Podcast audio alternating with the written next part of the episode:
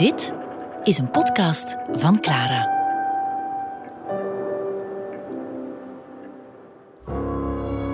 ...10 november, 13 uur in de namiddag. We zijn in Calais. En in Calais hangt er een heel vreemde sfeer. Iedereen beseft wel dat het einde van de Eerste Wereldoorlog er zit aan te komen, dat onderhandelingen in het bos van Compiègne bezig zijn. Maar in realiteit durft niemand te hopen. Er zijn heel veel Belgen in Calais op dat moment. Een van hen is de Limburgse mindere broeder Hilarion Tans. Hij is net overgeplaatst naar Calais. Maar wat hij in Calais doet, lijkt heel hard op wat hij deed in de andere hospitalen. Hilarion Tans houdt zich niet zoveel bezig met de gewonden, maar vooral met de zieken. En die waren er en masse. De Spaanse griep op het einde van de Eerste Wereldoorlog is misschien wel een van de meest bizarre aspecten van het oorlogseinde. In april 1918 kwam de griep voor het eerst opzetten. Tegen de zomer was die volledig verspreid over heel de wereld en waren al honderdduizenden mensen gestorven. Maar toen verdween de griep, even plots als ze gekomen was, om enkele weken later in een nog een veel dodelijkere, gemuteerde vorm terug te komen. En tegen oktober en november 1918, als de oorlog op zijn einde loopt, is de Spaanse griep op zijn hoogtepunt. Miljoenen mensen sterven. Minstens 2,5 miljoen Europeanen vinden de dood in die Spaanse griep. Hilarion Tans heeft zijn handen vol. Hij kan niet genoeg tijd vinden om zelfs de lichamen van de soldaten, die eerst moedig hadden gevochten en dan stierven in de eenzame bedden in het verre Calais, hij had zelf de tijd niet om hen een waardig afscheid te geven. Hij vertelt hoe dat hij in de middag van 10 november voor de zoveelste keer over de modderige, platgeregende wegen van Calais richting het kerkhof, of beter gezegd, het geïmproviseerde modderkerkhof, wandelt. Hij schrijft in zijn dagboek: Gewone lijkwagens waren onvoldoende. De kisten werden opeengestapeld op de broodkar van de militaire bakkerij. Met veertien lijken tegelijk kwamen we naar de kerk, waar de overheid ons verbood om besmette lichamen te lossen. We lazen de absolutie in de dodenhuisjes en voerden de kisten recht naar het kerkhof. Hilarion Tans vertelt hoe hij het samen met enkele krijgsgevangenen, Duitse krijgsgevangenen, die hij Fritsen noemt, de opdracht kreeg om de lichamen van de Belgen te begraven. Ze ploeterden al morrend door de modder als ze onderweg niet ongemerkt wegslopen. In de natte, losse klei van het kerkhof verzakten de karren. De Fritsen trokken de kisten uit de lijkkar en droegen ze tot naast de ondiepe groeven. Moeizaam waadde ik door de kleverige klei.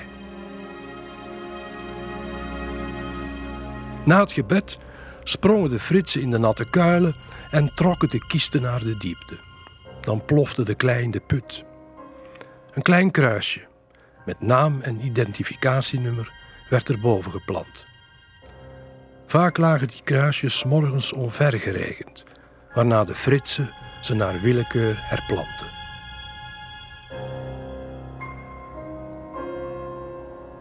Een van de mannen die in het hospitaal van Hilarion Tans lag, was de brancardier Eugène Tielemans. Iemand die de gewonden uit het niemandsland moet halen, ligt plotseling in het ziekenhuis door een gasaanval. Zijn zicht was volledig verdwenen, maar dag na dag beterde het. Plotseling zei de oogarts: Je hebt koorts. Ik vrees dat je de griep hebt.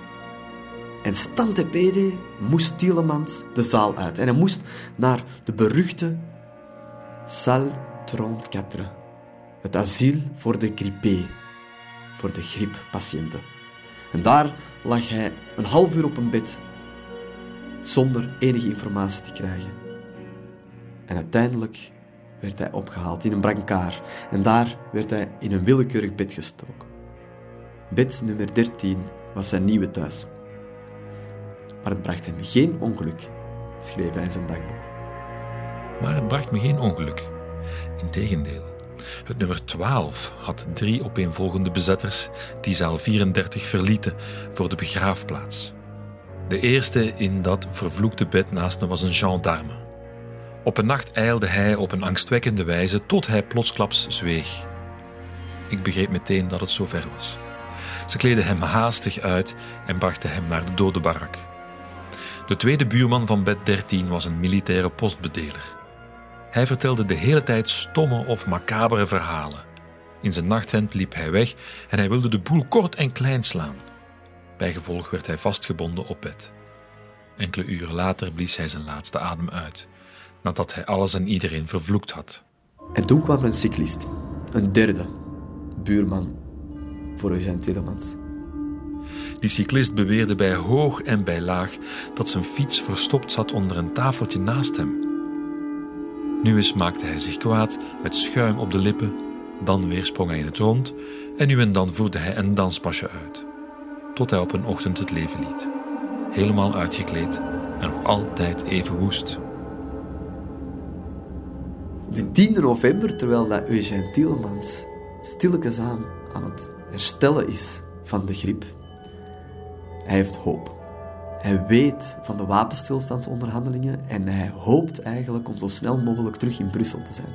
Hij stoeft zelfs tegen zijn, zijn makkers naast hem, zijn hoestende makkers naast hem, dat hij misschien nog voor de koning in Brussel zal staan. Maar wat hij in zijn dagboek schrijft, is een getuigenis die echt toont wat de griep was. Want als wij denken aan een griep, dan denken wij aan drie, vier, vijf dagen koorts. En je ja, ligt echt wel in bed, je kan je, kan je huis niet uit. en aanvankelijk was die griep ook zo. Maar in het najaar van 1918, terwijl de oorlog op zijn einde liep, was die griep zo gemuteerd dat die enorm agressief was, enorm besmettelijk en vooral heel dodelijk.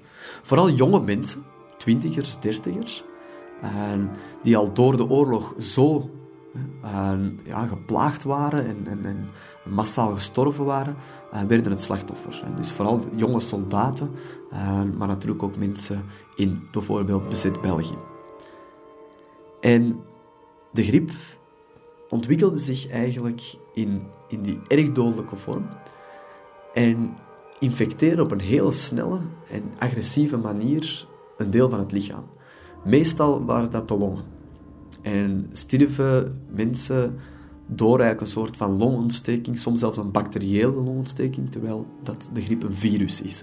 Uh, maar je kreeg allerlei ziekten omdat je lichaam zo verzwakt was. En uh, mensen stierven massaal eigenlijk door te stikken in hun eigen bloed. Uh, ze, de, lichamen zagen tegen dat de doodstrijd volledig was, ook zwart. Uh, soms blauwig, maar soms ook echt letterlijk zwart. Dus de linken met de zwarte dood, de pest uit de 14e eeuw, uh, die ook al zo verwoestend was geweest, uh, was snel gemaakt. Uh, werd toen ook gedaan. En vele militairen, ook Belgische militairen, schrijven over hoe dat, dat jongens aan het front s'morgens nog, nog plakend van gezondheid opstonden en vooral vreesden dat de kogels of de, de granaten hen zouden treffen en tegen de avond gewoon dood waren en zwart in hun bed lagen. En gestikt in hun eigen bloed. Maar de griep deed ook andere dingen. En soms die infectie zorgde voor ja, uitdrogingsverschijnselen, maar vooral voor, voor waanzin. Er waren zelfs voorbeelden van mensen die zo gingen hallucineren dat ze ja, uit, het hospitaal, uit het raam sprongen omdat ze dachten dat ze konden vliegen. die allerlei toneeltjes deden, die agressief werden. de griep maakte zot. En dat had met meer te maken dan natuurlijk alleen die griep. Achteraf gezien lijkt mij dat heel die oorlogssituatie daar ook mee te maken heeft. Je zit met zwaar getraumatiseerde mannen, vaak, die dan plotseling, helemaal op het eind, terwijl ze weten dat de oorlog op het punt staat te eindigen, die dan plotseling ziek in een ziekenhuis komen te liggen. In een hospitaal, daar verzorgd moeten worden en het leven wegvloeien. Je zal voor minder krankzinnig worden. En eigenlijk zou je kunnen stellen dat misschien die oorlog samen met die griep de ingrediënten waren voor een waanzinnig oorlogseinde.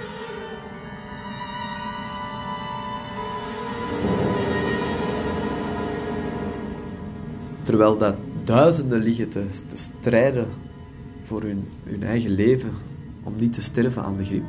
Uh, in een ja, waanzinnige, onnuttige dood ergens ver van het front.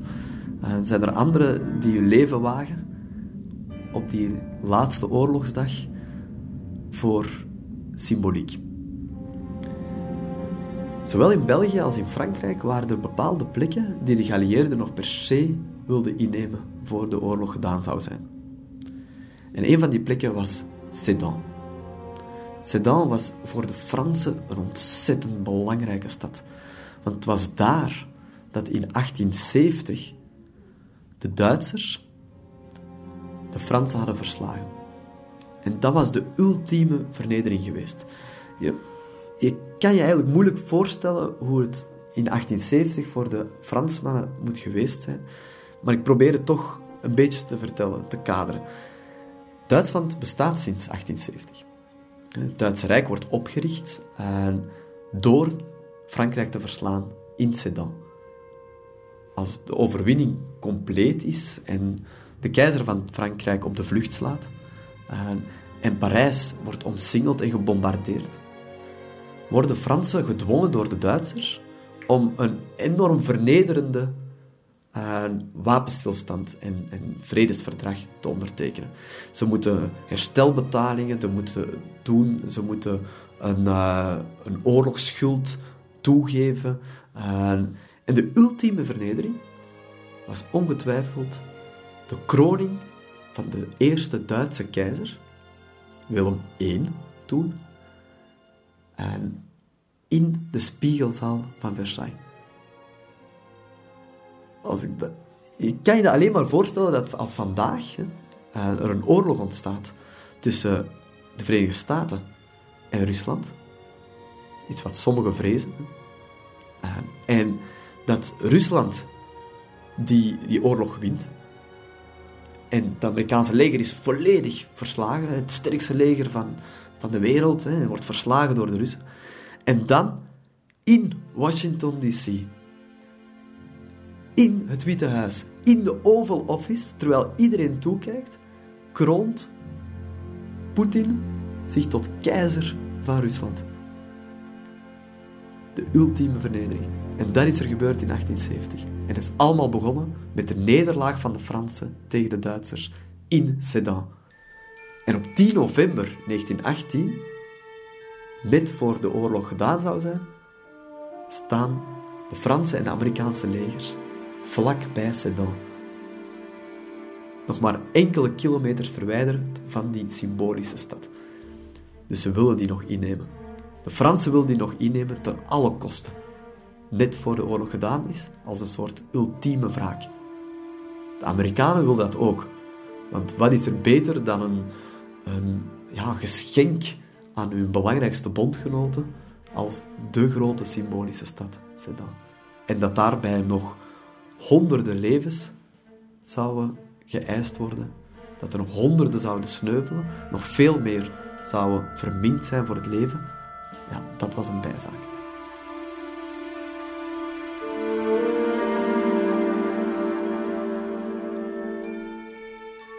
Om 13 uur in de namiddag van 10 november vallen de Amerikanen en de Fransen tegelijkertijd aan.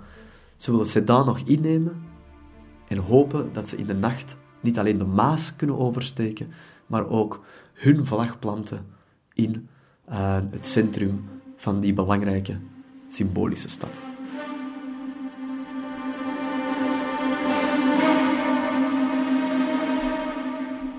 De Franse 163ste divisie staat aan het kleine dorpje Vrignemeus ten zuiden van Sedan en zij krijgen het bevel om de Maas over te steken. Zij zouden Sedan moeten gaan veroveren. En er is een gesprek dat bewaard is gebleven en dat we honderd jaar later nog kunnen, kunnen meelezen tussen militairen en een inspecterende generaal. Een van de militairen durft het eindelijk te vragen. Is het waar, mon général, dat er vrede is? Is het waar dat in het bos van Compiègne bijna de handtekening is gezet? En de generaal zegt, mais non, mon petit. Voor het vrede kan zijn, moet er eerst een wapenstilstand getekend worden. Dat zal misschien over een dag zijn, over een uur, over dertig seconden. En ondertussen staan die soldaten daar en staan ze klaar om de Maas over te steken. Terwijl dat ze weten dat overal aan de andere kant van de, de andere oever de Duitse mitrailleurs klaarstaan om hen af te knallen. En dat is exact wat er zal gebeuren de komende uren.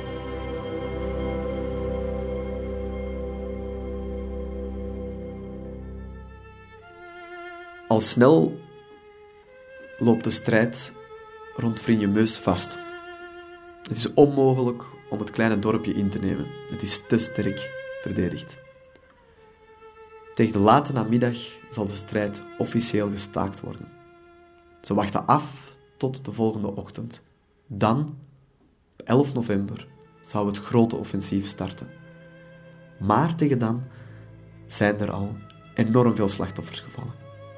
In die namiddag van 10 november 1918 vallen er al 57 doden en 133 gewonden. De strijd wordt gestaakt en uitgesteld tot de volgende ochtend. Dan zouden ze opnieuw de Maas proberen over te steken en Vriendjemeus in te nemen. Maar daarvoor moesten er nog veel slachtoffers vallen.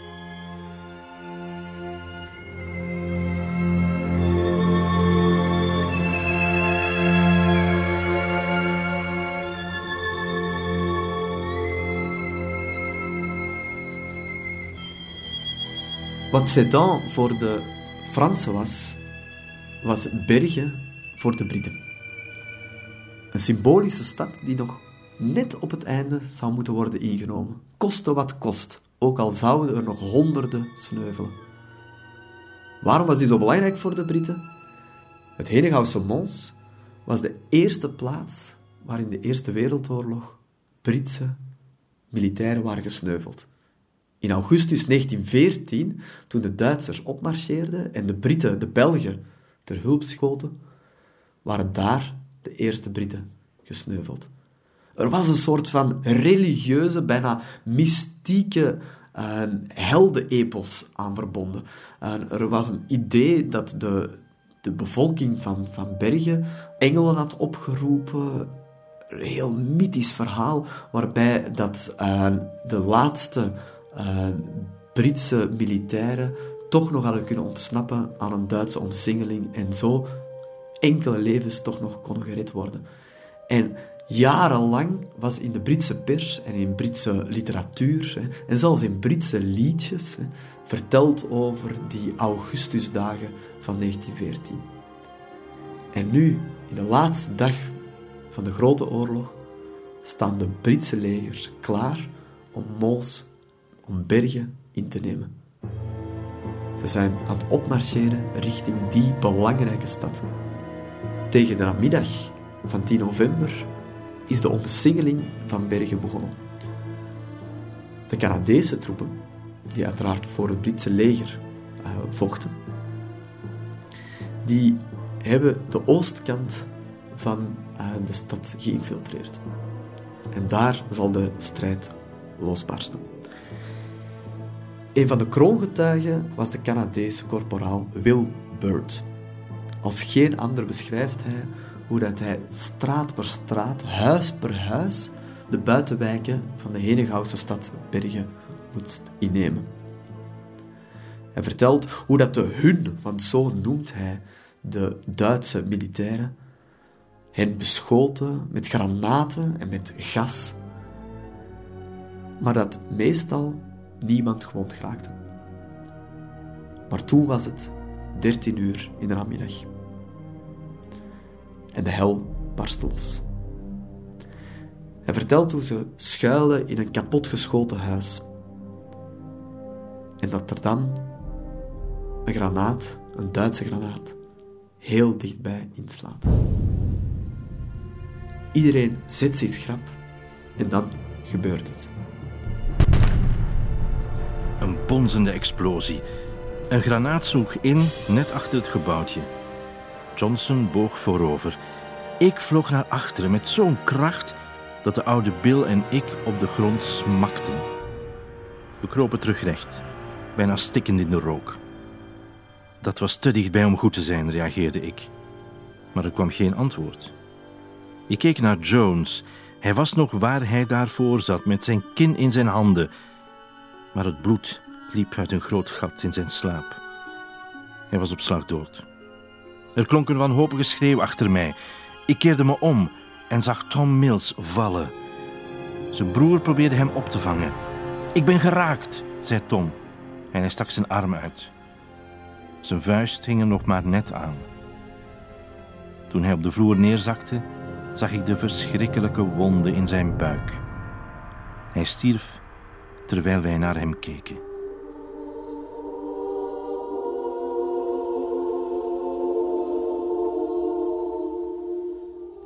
Voor Will een jonge korporaal uit Canada, is dit, dit einde van, van zijn oorlog uh, enorm pijnlijk. Hij weet waarom dat ze Bergen nog moeten innemen.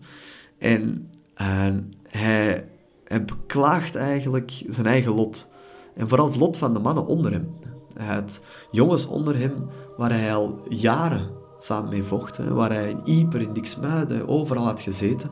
Uh, en plotseling sterven die daar, terwijl de oorlog aan het aflopen was. Terwijl de Duitsers al, al aan het terugtrekken waren. En ze sterven daar door een, door een inslag van een granaat.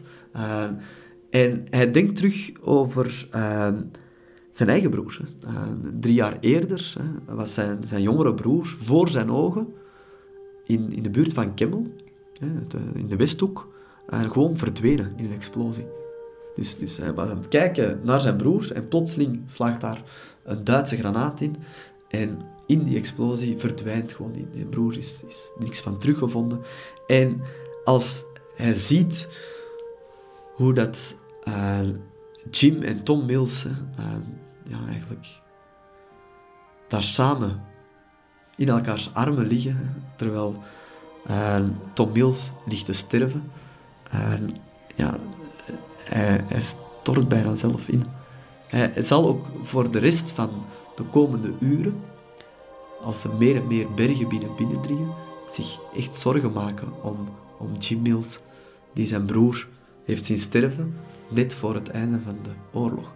En hij krijgt bovendien het advies om die, die broer zat te voeren, zodat hij op het oorlogseinde gewoon totaal poepeloeren zat, dat meemaakte uh, maar vooral geen wraak zou nemen. Want meer en meer begint die Jim Mills te zeggen: Mijn broer is vermoord. Niet door die Duitse granaat, niet door die Duitsers die die granaat hebben afgevuurd, maar door het Canadese opperbevel. Dat hen naar daar had gestuurd om die belangrijke stad in de ogen van de Britten nog in te nemen. Helemaal pijnlijk was dat er geen tijd was om te rouwen. Ze moeten de lichamen achterlaten ze moeten verder opmarcheren om richting het stadscentrum te gaan. Ze willen zo snel mogelijk, en ze moeten zo snel mogelijk, het station van Bergen bereiken. Maar op elke straathoek, op, aan elk huis moet er gecontroleerd worden en aan elk huis schuilt er gevaar. En straat per straat, meter per meter, gaan ze opmarcheren richting het centrum van Bergen. Ontdek ook onze andere podcasts via clara.be. Clara Podcast. Blijf verwonderd.